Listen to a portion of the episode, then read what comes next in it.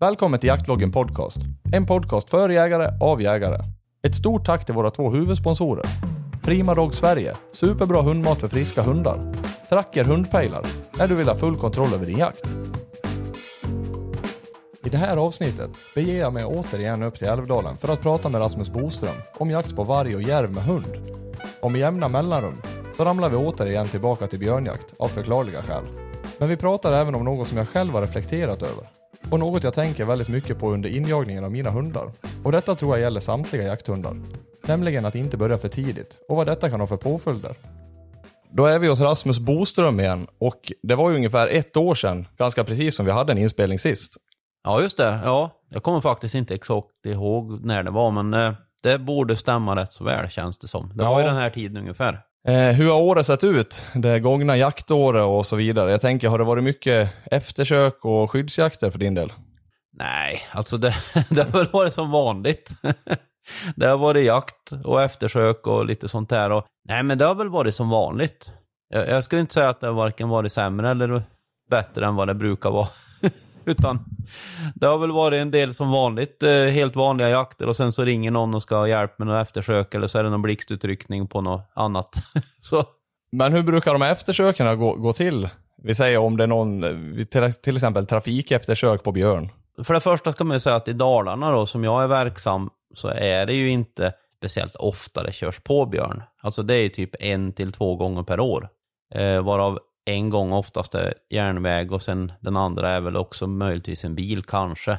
Men oftast är det ju så att du blir utringd då och så ringer ju vakthavaren och frågar om man kan ta det och sen brukar man ju så gott som aldrig genomföra eftersök på björn på, på kvällen om man säger då, när det är mörkt. Oftast händer det ju nästan alltid på kvällssidan. Så då blir det ju nästa morgon. Ja, precis. Men alltså det är väl egentligen som, i det här fallet så får man ju börja med att och, och verifiera att det verkligen är en björn. Till exempel, det kan ju vara ett vildsvin också. Ja, Vilket hände för inte så där jättelänge sedan. okej. Där, där det var ett tåg som rapporterades ha kört på en björn då. Och det var ju faktiskt nere i typ Säter eller något sånt där. Det är en månad sedan ungefär nu.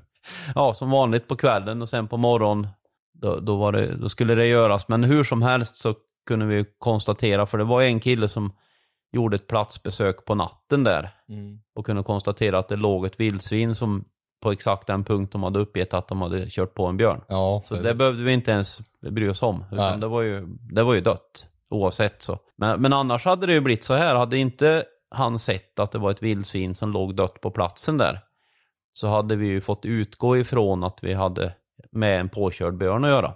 Mm. Och då hade vi fått tag i det därifrån helt enkelt med spårhundar för att verifiera om den är träffad. För jag har ju faktiskt också varit på eftersök på björn med tåget där man rapporterar att den är påkörd. Och så ser man när man spårar att, alltså med tanke på hur fort det går när tåget träffar så att säga, så är det ju oftast träff eller bom.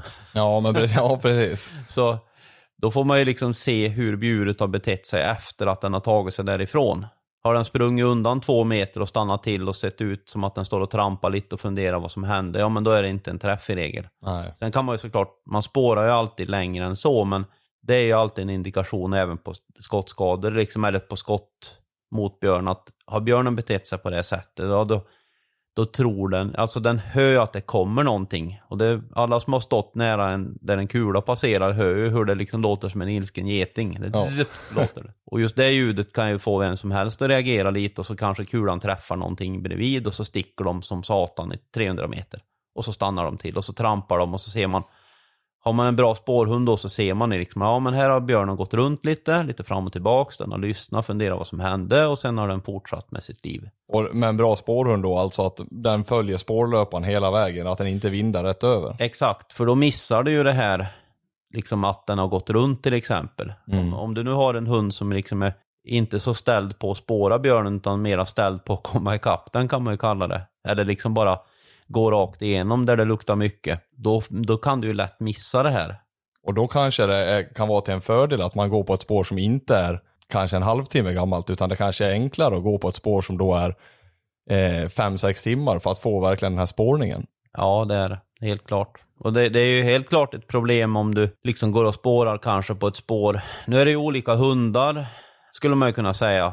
Men, men även med åtminstone den bästa spårhunden jag har haft hittills så Om spåret är liksom en halvtimme gammalt så det är klart att han behöver ju inte gå och lukta ner i backen då, utan då kan han ju bara gå i den här vindtunneln som finns liksom överallt. Mm. Om inte det blåser jätte, jättehårt då, vilket det sällan gör. Nej, men precis. Utan då blir det ju lite mer otydligt, liksom man är i spåret och sen kanske man är två meter bredvid och så här. Eh, och det är ju inte att föredra om man nu ska hitta liksom en liten köttbit eller en, en antydan till att det också har blivit träffat av eh, alltså bil, tåg eller en kula.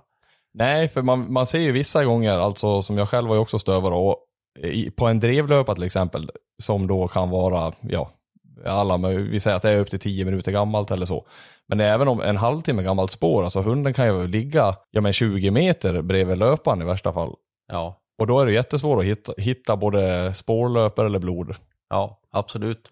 Jag måste bara säga det, här, alltså jag tycker det är så jäkla häftigt när jag hade Blaser då som den bästa spårhunden som jag haft, eller säkraste liksom. Och så kunde jag ju alltid se på han åt vilket, alltså när vi gick av ett spår, det kan ju vara så att man gick av ett spår för att man skulle prata med folk och så länge han stod i spåret så skällde han ju konstant. Ja. Så då kunde det bli att man tog av honom spåret för att ringa upp och tala om att ja, men det är träff eller att jag tror inte att den här björnen är skadad eller nu får ni vara med eller alltså någonting då. Och det är mycket lättare att kommunicera med folk när du inte har en hund som vrålar i bakgrunden. Och då kunde man ju alltid se på han att om jag tog han och gick till vänster, liksom 10 meter, och så band fast han. Alltså ungefär en meter ifrån spåret så började han titta åt höger. Alltså han visste ju att spåret var till höger om det vi gick. Ja. Och det har jag aldrig riktigt tänkt på med någon annan hund, men jag tyckte det var så jävla häftigt att se varje gång när man liksom drog han åt sidan då, ja men då hade han huvudet så långt han kunde åt det hållet där spåret var. Ja.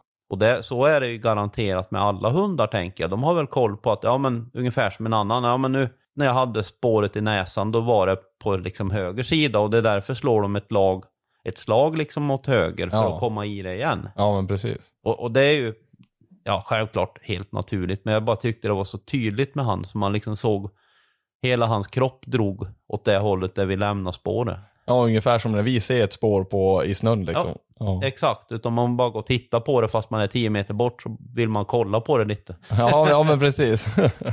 Eh, ja, men sen då om vi fortsätter i, i det här eftersöket. Ni går några hundra meter, säg att det har varit en träff ifrån tåget eller bilen. Jag kan säga så här att det, om, vi, om vi säger att det är en träff till att börja med och sen skulle jag väl oftast i varje fall om det är ett hyfsat nytt spår och jag ser att framförallt att hunden har det så skulle jag ju säga att jag släpper ju helst hunden.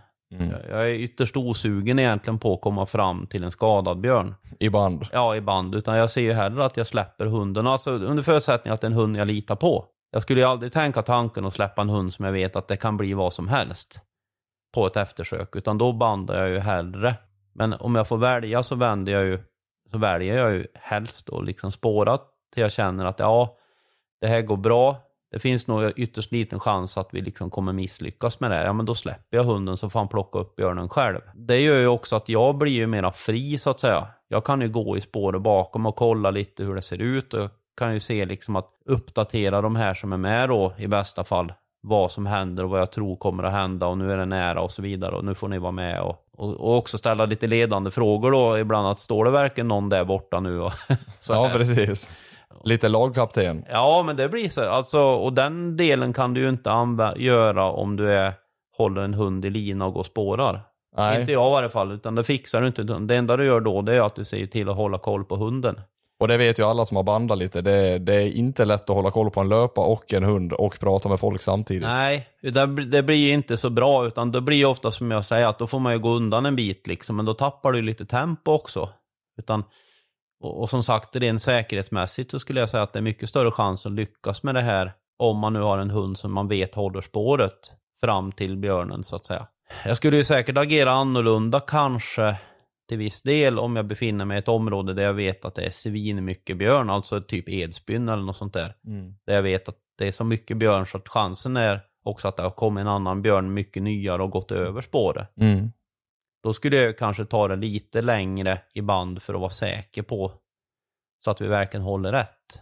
Skulle du säga att du, har en, att du själv har en hund som, om du då har blod efter en björn, som du släpper i det spåret eller att du bandar i det spåret och sen kommer det en färskare björn Eh, Eller ett färskare spår över löpan. Skulle du säga att du har en hund som håller det, det äldre spåret då? Om det är blod i det? Nej, jag skulle inte säga att jag har det egentligen, för jag har ingen hund som egentligen är specialtränad på blod. Nej. Alltså på skadade djur, utan den, de hundarna jag har är ju egentligen bara specialtränade på att jaga björn. Ja. I det här fallet. Jag skulle nog inte säga att de hundarna som jag har haft eller har är tränade på skadade djur, utan de är liksom tränade på att jaga björn till exempel. Och det kan ju också innebära att om de har ett spår som är sex timmar eller åtta timmar gammalt, att det kommer en björn där för en timme sedan Mm. som korsar det och då kan de ta det istället. Och det får man ju vara lite uppmärksam på. Det blir för få eftersök för att man liksom, jag ska kunna säga med säkerhet att jag har en präglad blodspårhund. ja, framförallt om du säger att det är en, två gånger per år. Ja, nej men det är så lite. Och sen blir det såklart, en, räknar du in trafik eller eh, jakteftersöken så blir det naturligtvis mer. Mm. Det gör det ju, men jag skulle säga att det blir ändå NVR-uppdrag om man säger så, blir ju bara så, så få så att säga. Jag ser det inte som några stora problem egentligen, men man får ju liksom lägga upp det lite, just det här med spårhundarna, att man liksom hela tiden, man får ju hålla koll på dem lite. Och framförallt det man får hålla koll på när man bandar då, det är att om man har ett spår som går bra till att man helt plötsligt har något som går jätte, jättebra, alltså hunden börjar dra som en galning och brålskärda och ska iväg, från att ha varit hanterbar, så vet man ju att där händer det någonting. Antingen har vi kommit till en ny björn, eller så har vi ju stött den björn vi faktiskt har spårat då. Och då får man ju ta det därifrån. Då bör man ju ska kunna hitta en lega där någonstans. Ja, det ska ju vara en lega och förhoppningsvis ska det ju vara blod och så vidare. Då. Där får man ju vara lite uppmärksam, åtminstone med de hundarna jag har då, så att det blir rätt. Eh, och det har ju faktiskt hänt vid ett tillfälle att det blir fel också, kommer jag ihåg för lätt- jättelänge sedan. Faktum är att det, det är väl den björn som har varit absolut närmast att ta mig också. Ja, Okej. ja, för jag visste ju inte att det var en skadad björn där. Just då, det var ju lite krångel där, men eh, ja, det redde ut sig. Men var det då en, en frisk björn ni släppte på fast ni fick tag i en skadad? Ja, eh, faktum är att det var ett misslyckat eftersök en vecka tidigare.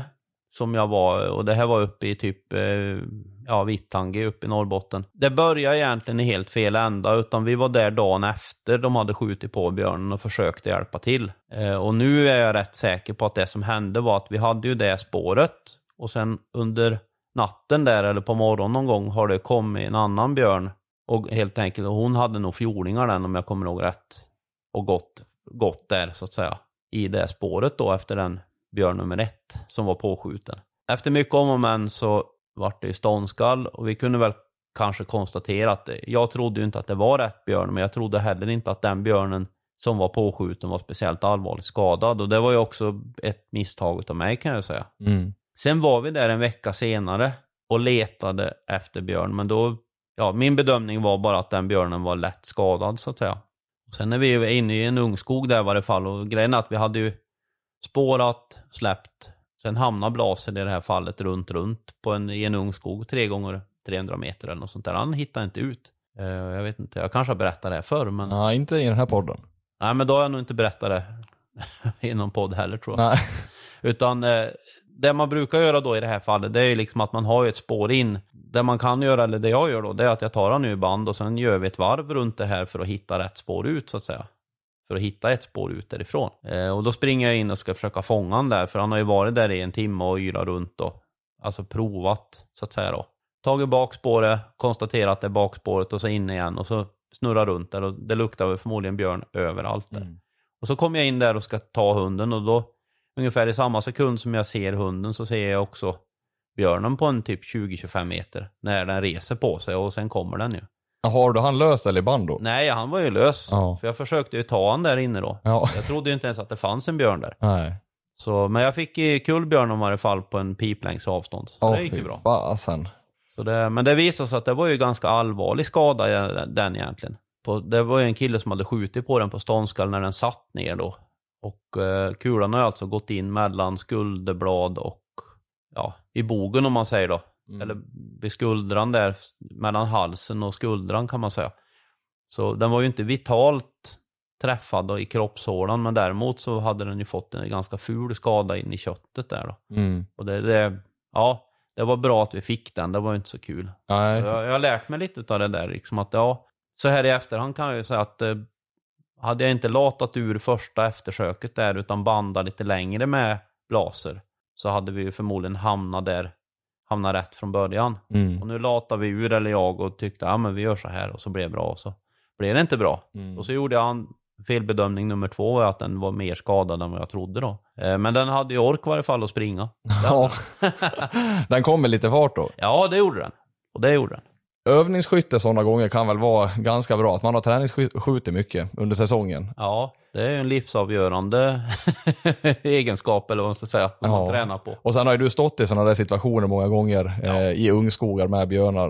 Eh, jag relaterar bara till mig själv, nu har inte jag stått så, men på ett gry till exempel, att man skjuter ju mycket på eh, re reaktion och eh, ja, vana helt enkelt. Ja, visst. Ja, nej, men det handlar ju egentligen mycket om vana och man ska ju inte överdramatisera det, men oavsett om det är grytjakt eller minkjakt eller liksom mårdjakt, björnjakt och liksom ha en känsla för när det är rätt läge egentligen. Mm. Eller när man behöver att skjuta. Men en del i det är ju självklart att man måste ju träna på grejerna så att det sitter där. För det, det här är ju ett muskelminne som måste sitta. Det är ingenting du ska behöva tänka att säkringen är där, för, för då är du körd. Ja, för det är sånt där som är lite svårt när man gör till exempel ett vapenbyte. Jag har gjort det själv nu med, med hagelbössan. Att jag, jag har lite ångest inför hösten och, och man står och lägger an och man provar och man skjuter. Men eh, det är inte samma som den där gamla Merkel 32 man har haft. Nej. Nej, och det, det kräver en del, det känner jag ju.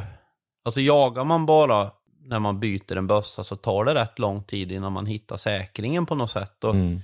Jag är fortfarande, jag bytte ju från drilling till bockbössa här för, är det fyra år sedan nu kanske, eller Mm. något sånt där. Och jag kan fortfarande inte släppa att jag har ett enkelt, alltså jag har inga problem att jag har ett enkeltryck på bockbössan. Men jag saknar fortfarande dubbeltrycket varje gång jag är ute i stort sett. Ja, för vanan. Ja, för det är en vana och jag, jag gillar det liksom och jag har lite svårt att hade jag bara haft råd så hade jag köpt en bockbössa med dubbeltryck, men de kostar mer än vad jag har råd med. Ja. Och jag har ju tvingat mig själv att lära mig den här bockbössan för att jag trivs så bra med den, men att det är mycket lerduvskytte och det här lite, kanske inte så mycket på skitbanan, men att jag tränar själv. Jag har väl tänkt jag skulle gjort någon film med det egentligen, hur jag tänker lite, för när man tränar som åtminstone jag gör, då vill jag ju få det hyfsat realistiskt. Och då står jag nästan aldrig vid ett torn på en lerduvbana, utan då, då står jag kanske i skogen och sen händer någonting snabbt och så ska man ju fånga det läget så att säga. ja, precis. Och då har man nästan aldrig en perfekt anliggning utan när man är själv så står ju nästan alltid bössan. I bästa fall håller man den i vänsterhanden och i sämsta fall då står den en meter bort. Mot ett träd, ja. Lutad mot ett träd. Ja, visst. Och, ändå, och det är ju då det verkligen märks om grejerna fungerar. Eller om det passar. För passar det då, då smäller det. Men är man, är man inte van säkringen, då har du för mycket att tänka på. Få tag i bössan, upp till axeln, osäkra och så vidare. Och sen trycka på avtryckaren. Du hinner inte med. Om inte du har ja, 30 meter öppen terräng framför dig, det har du nästan aldrig. Nej, nej, utan det ska ju bara gå på automatik allt det Ja, där. det måste bara hända. Ja. Men om vi backar lite grann då till, till det här eftersöket vi var på väg till. Eh, Då släpper du i det här fallet blaser som det var då, Ja, till det är exempel. bull nu. Ja, jajamän. Och sen då? Sen eh, släpper du på en till eller, hund eller? Ja, man kan säga så här att ibland kan det ju hända att man hamnar på ett eftersök på en björn. Alltså bara för att det är blod behöver det ju inte innebära att den ska skjutas. Det beror ju lite på vad, vem man gör uppdraget åt, så att säga. Det, det kan ju vara att man vet att den blöder, men bedömningen är om den utgör en fara mot folk till exempel. Eller att man ska bedöma skadan och det har jag också varit på, bland annat i Norge någon gång för länge sedan här. Eller länge, ja men det är några år sedan. Det var i varje fall när jag hade blaser. Ja, jag var ju där dagen efter och jag tror det spåret var 20 timmar gammalt eller något sånt där. Och att det var blod av den, det visste vi ju. Men sen skulle vi göra bedömningen om den var en fara för allmänheten eller om vi skulle låta den vara. Det var ju jättekul. Vi blev uppskjutsade med helikopter upp i något fjäll där den hade blivit påskjuten och så vidare. Och sen började vi på spåra och släppte hunden. Så tror jag han spårade fågelvägen 8,5 kilometer och så reste han björnen. Jag skulle säga att det var ju en stor hane. En stor hane som var ganska rädd och hade lite självförtroende. Jag gick in ett antal gånger och kollade björnen om den skulle göra attacker eller göra utfall eller någonting. Men det var den sista den ville, utan den stack varje gång när man kom så nära så att man i stort sett såg den. Okej. Den gjorde vi bedömningen, eller jag bedömningen, att den gjorde ju, utgjorde ju ingen fara för allmänheten på något sätt. Alltså den ville ju bara därifrån. Den såg inget vital eller skadad ut under observationen? Nej. Nej, och vi jagar den rätt hårt kan jag säga. Ja. För, för att liksom se om den fanns en gräns för den där den går till attack istället och den hade aldrig den gränsen. Nej. Då gjorde vi också den bedömningen att den inte liksom var skadad så att det fanns anledning att ta bort den heller. I ett sånt läge kan man ju också hamna. Det är ju inte säkert att blod innebär död. Nej, nej, precis. Men, men det får man ju göra från fall till fall. Men det man brukar göra, det det jag nästan alltid brukar göra när det är ett, alltså ett eftersök av någon form, det är att man kanske släpper en hund då i spåret när man bedömer att hunden håller spåret så bra så att den kommer resa björnen. Och sen brukar jag nästan alltid göra så här att man väntar ett tag och sen petar jag dit en hund till. Och går det loss då så beter den sig ju nästan alltid som en normal björn. Går det inte loss utan bara ett ståndskall fortfarande, då är det oftast ett tecken på att björnen inte är riktigt frisk. Det kan jag inte säga att det stämmer jämt, men alltså det är åtminstone ett tecken på att är det blod av den och att den fortfarande står kvar i, upp, liksom i upptagsplatsen typ, även när en hund till kommer dit, då är det liksom en till spik i kistan kan man Mm. säga. Och sen efter ett tag så går man ju självklart in där själv då och ser hur det ser ut. Eh, och det finns egentligen en ganska bra film på det där på Youtube där jag och Stefan gjorde ett eftersök på en påskjuten björn till exempel. Där, där det egentligen blev så.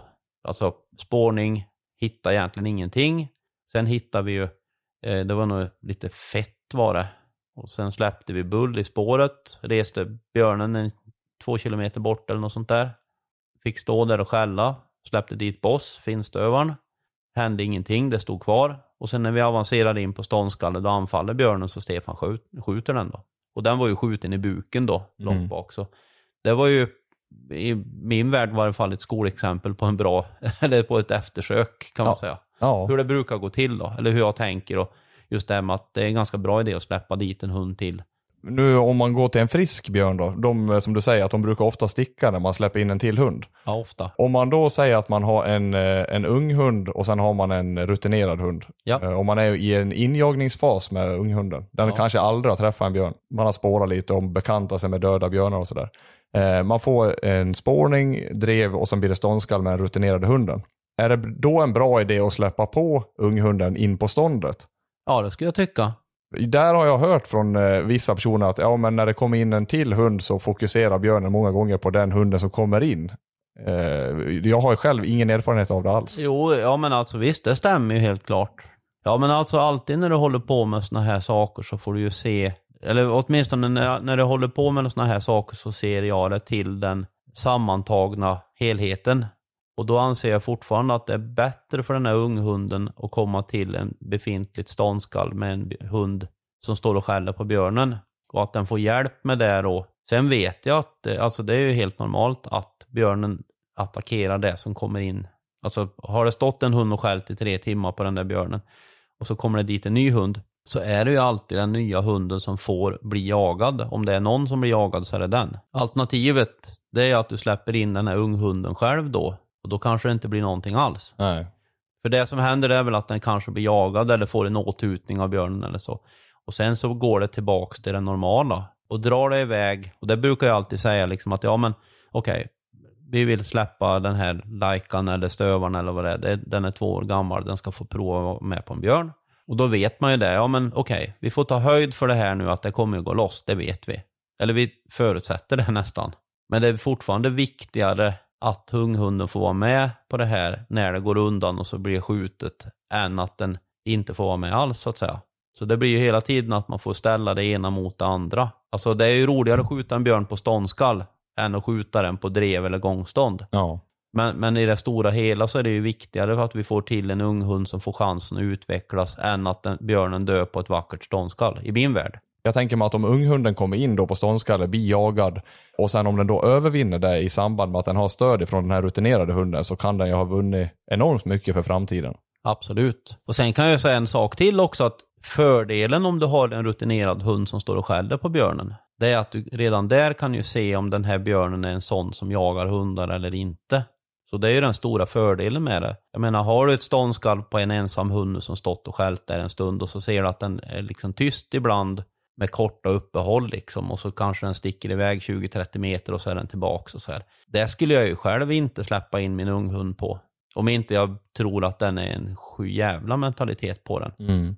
Utan det är ju en sån björn som också kommer jaga din hund när den kommer dit som ny. Så det skulle jag ju direkt avrekommendera. Utan det jag skulle göra i så fall hellre då, det är att jag skulle ju kanske gå in med hunden i band och stöta själv.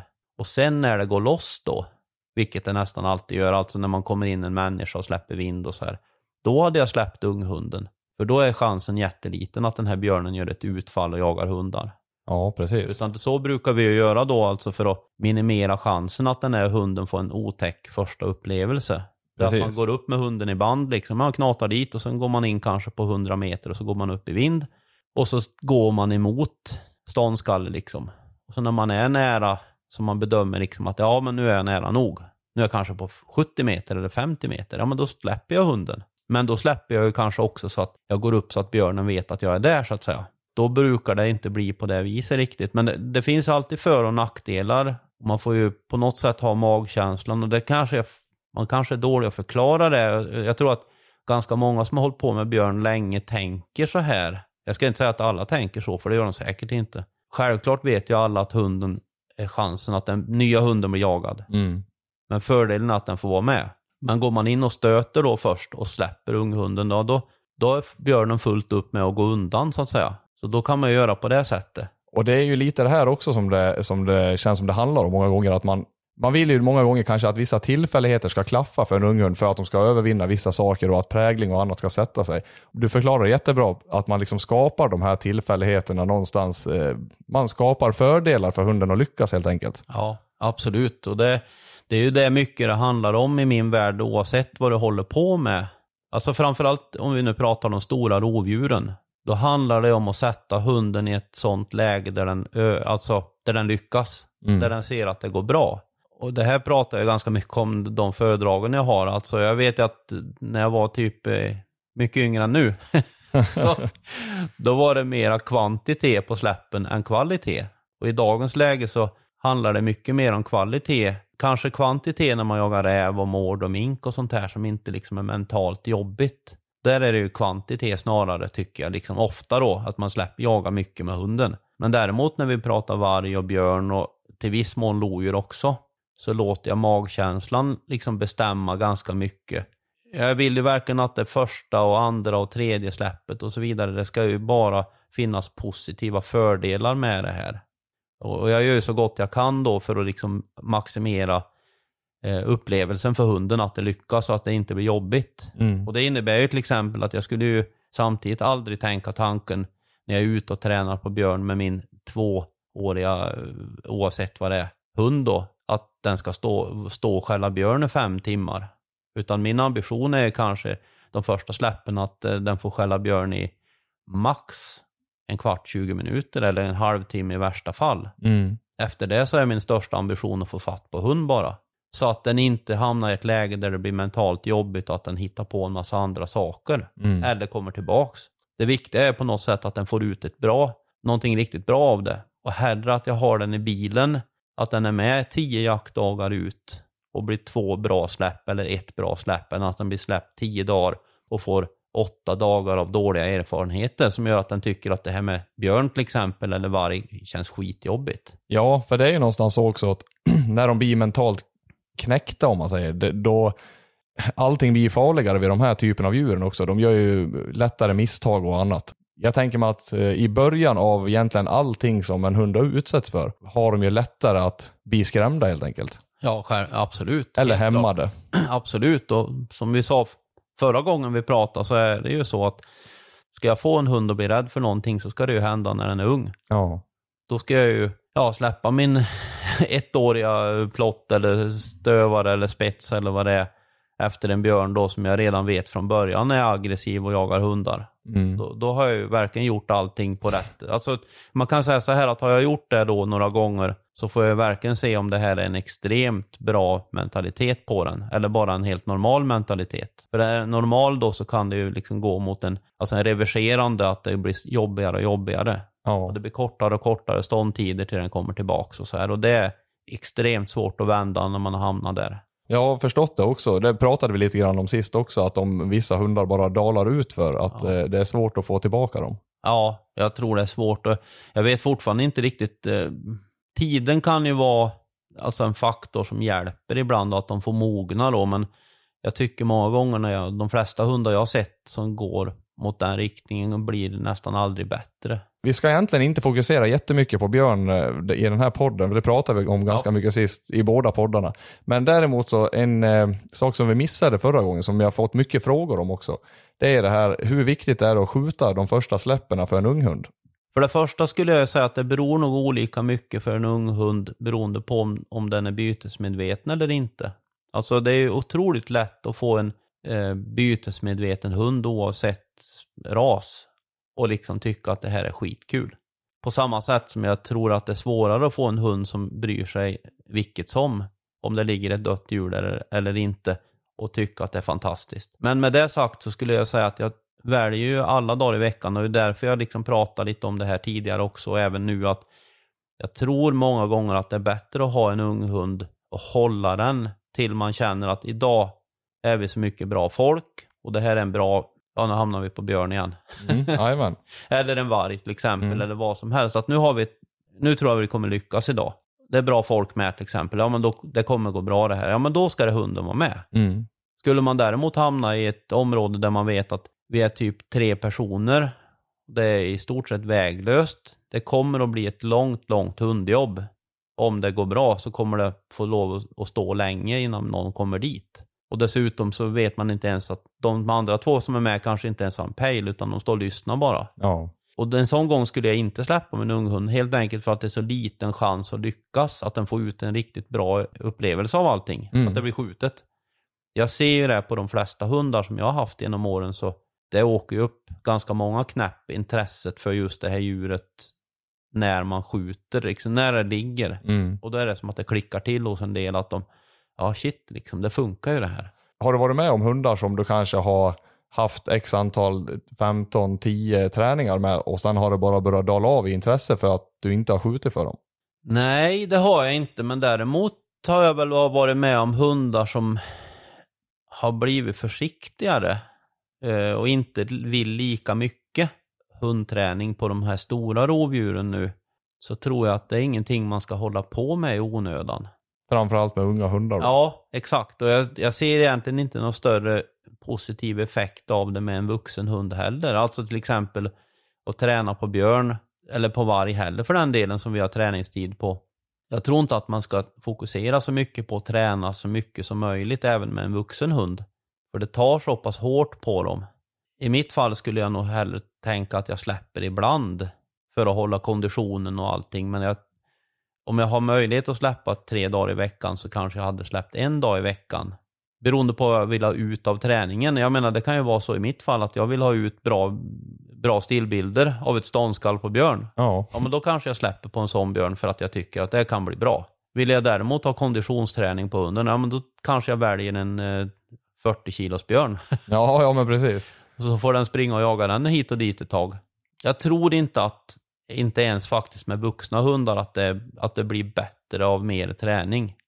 Nej, för jag, jag, om jag bara relaterar till dels mig själv och eh, kompisar, att man kanske sitter hemma och eh, någon hör av sig att eh, ja, vi har sett en björn här, den sprang över vägen inne på eran mark. Ja. Eh, man sitter hemma med en ung hund, man kanske har lagt något spår till den eller man kanske har, känner att det finns ett jäkla intresse i hunden. Och man är så jäkla sugen liksom på att eh, få de här släppen och man kanske inte har kompisar med jättesäkra hundar eller så här. men Det kanske inte ens finns en hund i närheten. Den här eh, tryggheten som vi pratar om, som man Nej. vill ha med en ung hund. Eh, hur tycker du att man ska liksom agera i det fallet? För du har ju också stått där någon gång med en, nu pratar vi återigen björn här då, men du har ju också stått där med hundar som från början så att säga, där det inte fanns så många som hade hundar som jagade björn. Ja visst, absolut. Ja vad ska man säga om det då? I det fallet så får man ju ta de möjligheterna man har. Självklart alltså, du, för du måste ju liksom låta den här yngre, eller unghunden liksom få chansen att göra rätt. Utan det enda jag skulle egentligen ge rådet till mig själv då, för, för 30 år sedan eller vad det är, det är att, att ta det lugnt i början. För det, det som brukar nästan alltid är vara, det är att någon ser den där jäkla björnen klockan, när det är typ en och en halv timme kvar av dagsljuset. och det innebär att när du är där då, så är det ljust en timme till i bästa fall. Ja, då blir det ju liksom att det, skymningen sakta faller över hunden fast den gör rätt så blir det jävligt jobbigt. För det är alltid, alltid mycket jobbigare för en hund normalt att stå med en björn när det är mörkt än ljust. Och då kanske den här mentala tröskeln för hunden börjar dala ner för att den är det är så nytt vilt för den och björn som är någonstans högst upp i pyramiden. Ja.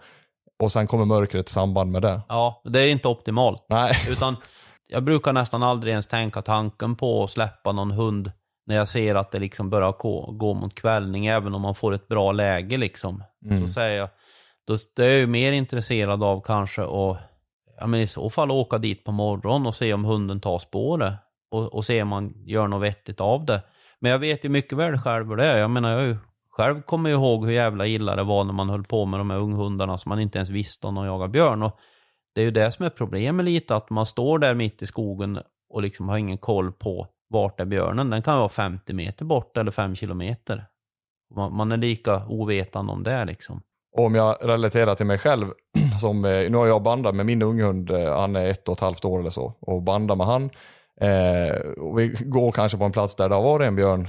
Vi tar iväg ett spår och jag ser att det finns björnspår under tiden här och det kanske är ett fem timmar gammalt spår. Och då vet jag att han går ju ganska bra i spåret och jag ser björnspåret hela tiden. Och sen rätt vad det är så eh, kanske jag hör då att björnen går iväg eller, eller liknande och sen kommer jag även till en lega. Och sen blir han så fruktansvärt upp i varv och det blir fullt drev och så går jag vidare och sen dalar det här ut för att björnen kommer längre bort och sen nästan att det tenderar till växtskall. Men samtidigt så är det så pass färskt spår. Så jag kan gå där i skogen och banda och så kommer jag till ett ställe, en myr eller någonting, det finns inte ett spår men han går ändå och skäller och så kanske jag ser älgspår. Ja, ah, fan, liksom, jag, jagar vi älg nu eller går jag och berömmer han på älg eller vad gör jag för någonting? Och sen kanske man går ytterligare en kilometer och då kommer man i de här björnspåren igen. Och det är det jag menar med att det är så otroligt svårt att läsa, i alla fall han, som i färska löpor då kanske går 30 meter bredvid löparen och skäller. För då vet jag ju inte om det är älg eller björn eller vad det än kan vara. Nej, och så är det ju. Utan det, det är ju helt klart ett problem och det just den där ovissheten är ju ett jättebekymmer när man liksom har en ung hund som man inte vet vad den gör riktigt. Mm. Alltså den kan ju också växla till älg. Jajamän, absolut. Och, och då står man där och när, problemet är när man börjar tvivla på hunden. Då, då blir det liksom, i varje fall i mitt fall, att då liksom känner man liksom att eh, ska jag verkligen vara kvar här? Så Precis. finns det någon anledning att vi ska gå en bit till? Utan Jag brukar alltid säga att ja, men jag, jag tror faktiskt att det, har man nu ingen person hemma som har en bra hund som man har samarbete med, då det enklaste vägen att se om man kan hitta någon längre bort då. Ja. Som man kan slå dank med eller hänga på liksom någon sväng så att man åtminstone ser att hunden har ett intresse för det. Mm. För annars så är upp, liksom uppvägen så jäkla stor innan man får den här hunden att ta ett spår och skälla björn. Om inte den är född björnhund, Mm. vilket jättefå är. Ja. Utan de flesta är ju liksom smått intresserade fast vet inte om de törs typ. Nej men precis och det är ju lite så man står själv, i alla fall jag nu. Att jag har ju en hund som jag ser att han är jätteintresserad i, eh, ja när vi går i björnspår, då är han jätteintresserad och han driver björn i, i band. Men jag har ingen aning vad han gör lös och jag törs som inte släppa han riktigt. Man står någonstans i ett mellanläge där hela tiden att ja, man är så jäkla sugen att släppa men man vågar inte riktigt för jag vill inte förstöra han och eh, ja, hela de här bitarna i slutet på augusti, september, ja det är barmark, man släpper han. Det blir ju till 90% räv. De kan lika gärna växla för att det blir jobbigt. Och det, nej, det, är, det är jäkligt svårt. Jag tror många står i den situationen. Ja visst. Jag är verkligen glad att jag inte gör det själv. Ja, Men eh, samtidigt ska man ha klart för sig det. Jag menar det är ju, det behöver ju inte vara mer än ett tåg eller en, en bil bort där. I, I det fallet så är man ju hundlös också i en, en dålig dag så att säga. jajamän. Så, men jag, jag skulle nog tänka på det sättet att i mitt fall så skulle jag ju, så skulle jag ju ha is i magen framför allt. Jag skulle ju spåra mycket och jag skulle vara jädrigt restriktiv när jag släpper. Mm. Och när jag släpper då, då ska chansen vara ganska stor att det lyckas. Ja. Det skulle jag säga alla dagar i veckan. Helt klart. Och jag tror att beroende på vad jag har för någon modell av hund nu då, så skulle jag nog säga att jag skulle gärna vilja släppa på en liten björn. Eh, Oavsett om du har en spets. Ja, eller både ja och nej egentligen. Utan det är ju, jag är inte så oroad över att spetsen inte kommer hantera det ståndskallet som en stövare. På, på något sätt känns det som att de flesta stövarna har det ganska jobbigt fram till de kommer i tre och ett halvt, fyra års åldern innan de börjar liksom tycka att det känns okej att stå och skälla på en björn. Eh, Det är ju jädrigt mycket större chans att en spets tycker att det känns helt okej Mm. när de är tvåårsåldern.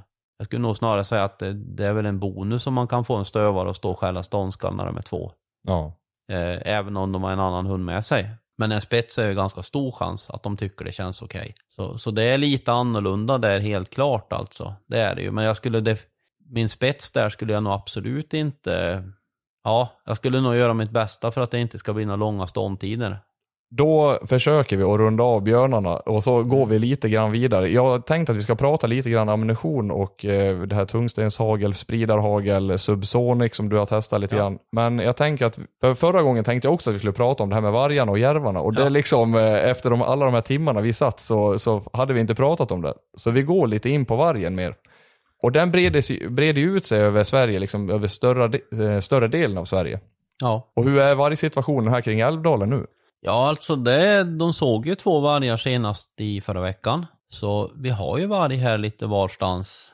Men det, det är ju mera strödjur, Mm. tack och lov. Och sen har vi ju haft lite tur, utan det har ju varit på gång några föryngringar i, i närhet, närområdet här och då har ju de varit och bråkat med renarna. Tack och lov kan jag säga. Ja. Så det, det är, vi har klarat oss ett år i taget så att säga. Men eh, det är inte rent på varg här på något sätt, utan de springer runt här lite hit och dit. Och de såg faktiskt för en tre veckor sedan, eh, såg de en varg bara 50 meter från där jag bor här. Okej. Så så de finns här. Ja, för om man tänker, om man går ner söderut i Dalarna och eh, ännu längre söderut så börjar det komma upp något revir här och där. Ja. Ja, Dalarna har det funnits hur länge som helst, men om man går ända ner mot Stockholm och det här. Mm. Och om man tänker då att eh, man jagar på en mark och man vet att eh, ja, det har blivit en föryngring här. Det är fem vargar, fem valpar plus en tik och en hane. Finns det något sätt att sätta ro i kroppen och jaga ihop med vargarna om man säger? Nej. Nej. Eller egentligen är det både ja och nej där, men alltså du har ju vargar som överhuvudtaget inte gör någonting med hundar. Problemet är ju bara att du måste ju släppa hundarna innan du vet hur, hur de vargarna beter sig. Ja. Och i det fallet så, det är ju därför jag egentligen svarar nej på den frågan, för det, då är det ju någon som måste agera, eh, ja, Försökskanin. försökskanin ja, exakt. För att liksom reda ut det här om det här är snälla eller eh, ja, elaka vargar om man uttrycker det så. Och, och den skulle jag ju inte riktigt vilja utnämna någon till att göra. Problemet är ju även när man kommer söderut att de har ju sällan snö. Nej, visst. Vi har ju ja, lite andra förutsättningar, men om man tänker då att eh, det, det finns snö, vi, vi leker med den tanken först Ja. och främst, att det finns snö, det ligger 10 cm puder och du har haft eh, fem vargar som har gått in i ett område och det är under träningstid på varg helt Ja. enkelt. Jag kan ju uppleva att om man tränar på varg i ett område, eh, specifika individer, så blir de någonstans, alltså de är så pass smarta så att de blir att relatera hundskall till att de är jagade. Ja, visst. Till exempel att jag har en rävjakt i ett berg eh, och sen har jag bara haft språngspår därifrån av varg. Ja. Eh, för att den här individen kanske då har varit jagad av hundar eller liknande. Ja. Men det är ju inte så, man gör ju inte på följande vis, gå och släppa en hund på ett slag på fem vargar som går in i ett område. Nej. Kan inte Det- du förklara lite grann hur man gör? Ja, för det första skulle jag ju vara tämligen, till, att till att börja med om jag har ett spår efter fem vargar in i ett berg så skulle jag vara ganska restriktiv. Det är inte säkert att jag hade ens tränat på någon av dem. För det som kan hända är att om, om det går in nu och så stöter de här, då far de åt olika håll högst sannolikt. Eller några hänger ihop kanske och några sticker i, åt varsitt håll. Men de kan ju också springa ihop. Ja, Alltså, så det skulle ju inte innebära rent konkret att man gör det speciellt bra för sin hund då, eller sina hundar, när man släpper på en ensam varg som sticker iväg ett visst eh, håll liksom. För sen gör den en krok och sen hips vips så är den ihop med de andra igen. I det fallet skulle jag nog säga att jag skulle vara ganska försiktig med det. Ja, chansen är ju stor att det kan hända i varje fall. Att den vänder tillbaks till där de andra är. är flocken. Ja, till flocken. Och då blir det inget bra. Nej. Eh, och det är det sista man vill liksom ska inträffa. Så jag skulle nog säga att jag hade nog varit lite försiktig med den delen helt klart då. Eh, men sen ser jag ju exakt som du säger att eh, de vargarna som befinner sig i områden där det har faktiskt jagats på dem eller tränats på dem, de blir rätt försiktiga av sig. Alltså de är inte så jäkla sugna på att söka upp hundar. Nej. Och det ser jag ju definitivt som en stor fördel. Nej, jag, jag skulle nog vara, jag skulle inte rekommendera någon och liksom göra försök när de är ihop så. Nej. Helt enkelt för att om jag säger att man kan göra det så är det säkert någon som provar och risken finns ju också att det går fel. Ja. Så jag skulle absolut inte tycka att det är någon kul idé och jag skulle inte tänka tanken att släppa en ensam hund heller då i så fall. Om jag skulle släppa, utan jag släpper minst två i så fall Ja. tillsammans. Och dessutom ska jag tilläggas att jag hade helst också släppt två bra hundar. För det som nästan alltid brukar hända när man har en sån träning, det är att den ena hunden kommer tillbaks efter ett tag och sen är den andra själv. Ja. Kan du se någon fördel med att ha kanske en hund med en hög skärpa? Eh, om, jag, då tänker jag framförallt på det här första mötet som blir egentligen med de flesta stora rovdjuren om du har en tyst hund då på slag. Eh, att de kommer in och sen blir det här första mötet och där brukar de ju någonstans kunna sätta eh, en mental vägg för varandra. Kanske att hunden då visar en underläge eller att vargen visar, eh, vilket djur den är, visar underläge. Och sen blir det en jakt efter det. Jo, alltså det är klart att om du har en hund som viker ner sig så är ju chansen stor också att vargen känner att den har ett övertag i det läget. Och det är ju det de inte får ha. Och det är ju också egentligen därför man nästan så gott som alltid då tycker jag att man ska gå in och bandar till man stöter och sen släpper man. Och det gör ju ingenting om man drar ett skott i luften eller någonting så att man verkligen gör klart för den här vargen att vi finns här. Ja. Alltså det är människor här. Och att vargen då är liksom, det är ett jagat djur. Exakt, den är ju ett mentalt underläge skulle vi kunna kalla den. Eller så tycker jag man kan kalla det. Utan en varg är ju, ja det låter ju jättedumt, men alltså det är ju en på så sätt feg individ. Alltså den ger sig ju inte in i en sak som den inte är säker på att klara av. För det kan ju innebära att den blir skadad och dör. Det är väl snarare smart än feg, om man nu skulle säga så. Men ser man det från ett mänskligt perspektiv så skulle man säga kanske feg. Men det innebär ju som sagt att den inte vill sätta sig i en situation där den blir så illa skadad så att den går och dör. För det har evolutionen ingen nytta av. Nej. Men i det här fallet så är det ju en bra idé tycker jag alla dagar i veckan att gå in och stöta först. Så man vet liksom. Och då har man gjort det så rätt man kan göra egentligen. Och sen har man flera hundar och gå in och banda. Det kan ju vara barmark då. Det kan ju vara så att det är flera vargar där. Men att om man åtminstone då i det läget får båda hundarna att jaga en varg. Så har man ju också där också ökat chanserna att det blir rätt. Ja. Händer det ofta tycker du att om man till exempel har två, tre vargar där i, i ett berg och så går man in och bandar upp de här, stöter dem, man skjuter en smäll i luften och de sprängs isär då, om man säger. Och så släpper du hundarna på en varg. Är det ofta då som de går ihop?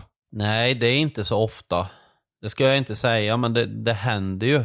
Det händer ju i varje fall tillräckligt ofta för att jag skulle säga att det inte är något sånt här drömscenario. Chansen är ju ganska stor att man lyckas med uppdraget om man går in och bandar till man stöter och sen ser man till att få de här två hundarna man har till exempel på en varg så att de jagar samma.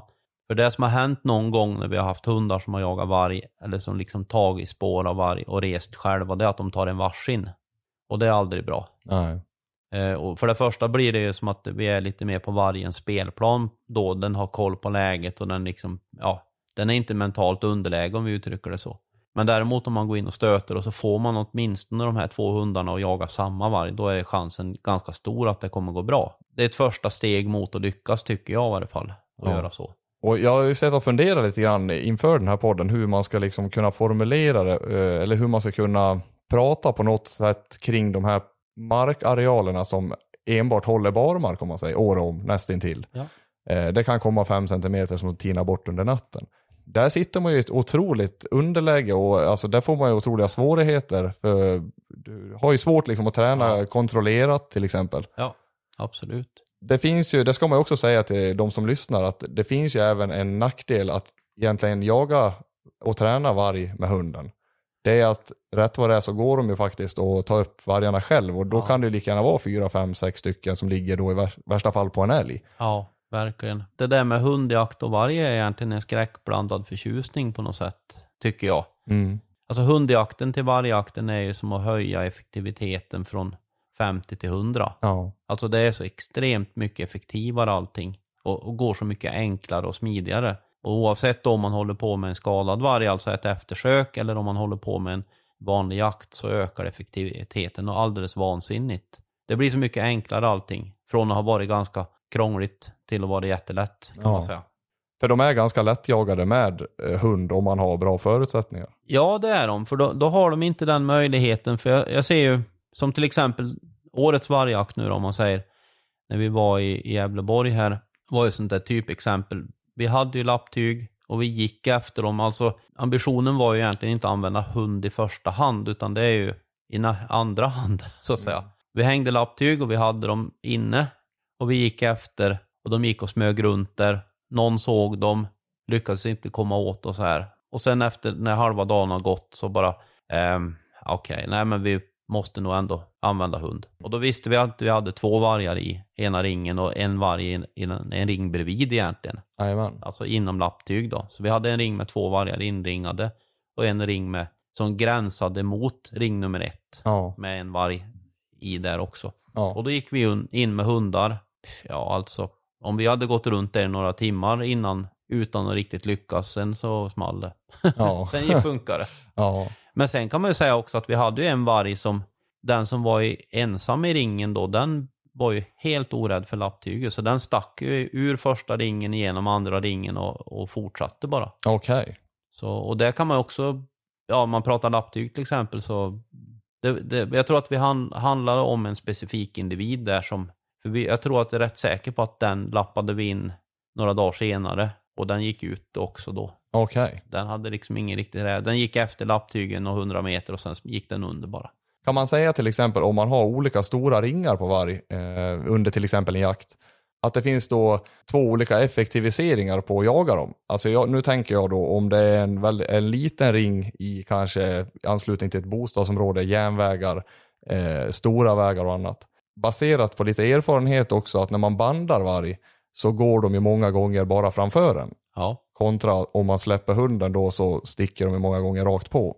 Jo men alltså visst absolut. Jag, jag skulle väl själv säga det om någon frågar mig att eh, har vi liksom ett, en hemskt liten ring och så har vi en varg då där inne till exempel, eller det kan ju vara två för allt i världen. Då skulle jag ju själv tycka att det är en fantastiskt bra idé om det är spårsnö och gå och spåra bara utan hund, alltså gå och banda. Eller eh, ja, gå utan hund helt enkelt och Ja. gå efter. Och då gärna med någon släpskytt inne i ringen då. Eh, som hankar efter lite, 300-400 meter så här. Och är det barmark skulle jag egentligen tänka samma sak, att man går med hund och bandar bara och smyger försiktigt, eller går efter. För det är ju så att det, det, det är ingen nytta med att det går jättefort ibland, utan det kan ju också finnas en nytta med att vargen kommer smygande. Även om den har koll på passkyttar så är det en liten ring så bör ju någon få ett läge förr eller senare. Och hellre då än att det sticker iväg rakt ut så att säga och att man ingen får något läge alls på den längre. Så, så det kan ju vara beroende på. Det är inte alltid hundjakten liksom är Guds skänk från ovan som kommer lösa uppgiften heller, utan har man en fin tät ring och kanske som sagt in till en järnväg som man, eller ja, det kan ju vara folk eller vad som helst där som man känner att nej men vi, vi kanske förlorar mer än vad vi vinner på att släppa hundar, även om det är jättekul så kanske inte det är det mest effektiva och då får man ju självklart anpassa efter det. Mm. För- För det upplever jag lite när man åker runt på och är med just och jagar varg att det är många som tror att släpper vi bara hundarna så kommer det att lösa sig. Så är det inte riktigt alla dagar i veckan utan det kan ju också vara att man befinner sig på kanten av ett jaktområde till exempel. Och, och då är det ju inte alls så jätteintressant och liksom ifall den här vargen sticker iväg rakt ut i, ja, i, på fel jaktområde där man inte får vara. Och då är det en mycket bättre idé kanske att kunna banda med en hund eller spåra i snö bara och sen när det har gått ur sig, ja men då kan vi inte göra så mycket åt det helt enkelt. Om man tänker för passkyttarnas del i, i en sån här situation och du är då hundförare som går utan hund på, på snön då. Ja. Eh, hur tycker du att de ska passa ut? Någonting säger mig att när vargen börjar bukta, som de ofta gör när man går efter dem, så tar de ju väldigt ofta sina egna löper och vill ju ofta kontrollera vad det är som går efter dem. Ja, exakt. Exakt. Och det är där egentligen den här släpskytten som jag pratade om nyss eh, kommer in. Jag ser ju för min del kanske att de här passkyttarna som är utställda efter vägar, hyggen och, och sjöar och så vidare, alltså som, som är passkyttar då, ska vara passkyttar. Jag är jätteosugen på att de ska liksom röra sig in i området. Utan då ser jag till hellre nästan alltid när vi jagar varg så ser jag ju till att vi kanske inte går en person som spårar bara utan vi kanske är eh, fyra, fem personer som från början redan går med in i området. Och så går vi och spårar och när vi har rest vargen, eller jag eller vem som helst, då går det en efter och de andra tar liksom pass in i såten. Mm. Men det viktiga är fortfarande att de här passkyttarna utanför, de ska stå där de är så att säga. Ja. Och så har vi gjort ganska ofta och det är ju inte ovanligt att de inne i såten så att säga, ja, skjuter. Nej, det är precis. det inte, men det, det är åtminstone tillräckligt bra. För det, det man kan vinna med det här, det är att vargen kanske inte bara går framför mig, utan helt plötsligt så drar den iväg ett varv och så ligger den en och en halv kilometer före mig här inne, eller mm. en kilometer. Ja, är det någon då av de här andra killarna som står som släpskyttar kan man säga inne i området, då kan ju den haka på vargen och så står jag på pass. Ja, men precis. Så man byter läge där lite, alltså byter roll. ja, men exakt. Och det handlar ju hela tiden om att kanske sätta, hålla lite, lite press på vargen så att den inte har all tid i världen och kolla vart passkyttarna är och hur de luktar och så vidare. För det är ju det också som är en stor del av den effektiva biten med hundar, det är att det blir som tryck på den så att den kan inte den observerar inte allt runt om, om jag förstår det rätt. Nej, ja exakt, det är helt rätt uppfattat. Utan det är ju den, jo det är det, är det som händer när man släpper hundar, att de, de, det är som att de tappar ett sinne lite, alltså de har inte riktigt den kollen framför sig, att det luktar människa, men, utan det blir som att de har lite svårt att ta in allting på en gång. Mm. Och det är ganska, det är ju det som gör det så effektivt. Och det ser man ju helt klart när man går efter dem, att då har de ju full kontroll i regel på vad som finns framför och på sidorna om sig. Eh, men det lyckas ju ändå. Det är ju inte så att det är helt ineffektivt att gå efter dem. Men, men jag ser ju helt klart att det är en fördel om man är liksom folk som går med in i såten och när de, någon av dem ser vargen eller en passkytt ser vargen och de är mycket närmare dit så kanske man vinner fem minuter där genom att en som är närmare ställer sig i spår och börjar fortsätta att spåra den. Och så kan man även vinna ganska mycket energi för sig själv också och få vila av sig lite grann. Ja, jo men det är, det är förvisso sant. jo nej men då, då byter man ju roll där lite och så får man ju stå och passa av så att säga. Och det här kan ju ändras flera gånger under en pågående jakt så att säga. Ja. Man vinner tid där inne och det, dagarna är ju korta i regel så det, det är en stor fördel att vinna den där ja, bara tio minuter kanske ibland då. Det är ganska mycket värt. Ja, och det kan ju bli några gånger under, under jakten som du säger. Och då blir det lätt en timme och en och en halv. Absolut. Nej, och det, det blir en jädra fördel. För det kan ju också vara så att det kan ju vara två vargar som sagt. Och, och sen går man och knatar efter och sen ser någon en varg som sagt en kilometer ifrån där jag är. Det vet vi fortfarande inte kanske vilken varg det är, men det viktiga är att man liksom på något sätt håller ångan uppe, tycker ja. jag. Och att någon kanske då i så fall går efter den och sen, ja, sen visar ju det sig om det är samma eller inte. Exakt. Det kan man ju säga att, ja men okej, jag fortsätter med det här så får vi se om det är samma liksom. Mm. Och du tar det spår och så knatar vi på nu så får vi se vad som händer. Och då kan ju visa sig att det, det är samma varg eller olika varg. Men det viktiga är att man på något sätt har liksom hållit tryck på den som är sedd i varje fall. Ja, precis. Tycker du att det är stor skillnad i beteende på en stor vuxen hane till exempel mot en eh, fjoling? Ja, men generellt sett tycker jag väl kanske att de här yngre vargarna är ju mera oroliga. Det är de ju och de är ju inte alls så självsäkra om man säger som en, alltså ett alfadjur är till exempel. Mm. Eh, därmed, därmed inte sagt att det nödvändigtvis är mycket svårare att jaga alfadjur. Men grejen är väl möjligtvis så här att ett vuxet djur har ju varit med om många fler situationer tidigare i livet. Och det gör ju att deras erfarenheter byggs ju på och de är ju så extremt läraktiga. Som till exempel om de har kommit ur ett lapptyg en gång så kan man nog räkna med att det är... Jag vet att den här vargen nu som vi höll på med i, i Gävleborg där efter första gången så kändes det som att okej, okay, det kanske var en slump. Andra gången så sa jag att ja men alltså när vi har spår efter den här i fortsättningen så tror jag inte vi behöver lägga ner fem minuter på att hänga lapptyg. Vi kan lika gärna skita i det, för det är ingen idé. Nej. Den här har gått igenom det liksom. Den har klarat det någon gång under sin uppväxt och sen så har den aldrig behövt att respektera det efter det. Nej, precis. Och det kan ju vara av en slump att den bara sprang ur och sen oj, det här var ju enkelt. Ja, det, det här var ju okej. Okay. Ja, men, ja, men precis. Det var inte så farligt om det som hängde där. Nej.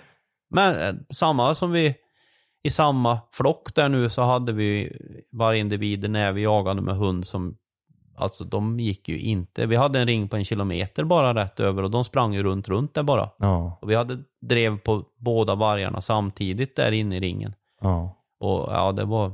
Ja, jag kan ju säga att det var ju vansinnigt häftigt att vara med. Ja, ja det kan jag tänka mig. runt då. det kan jag tänka mig.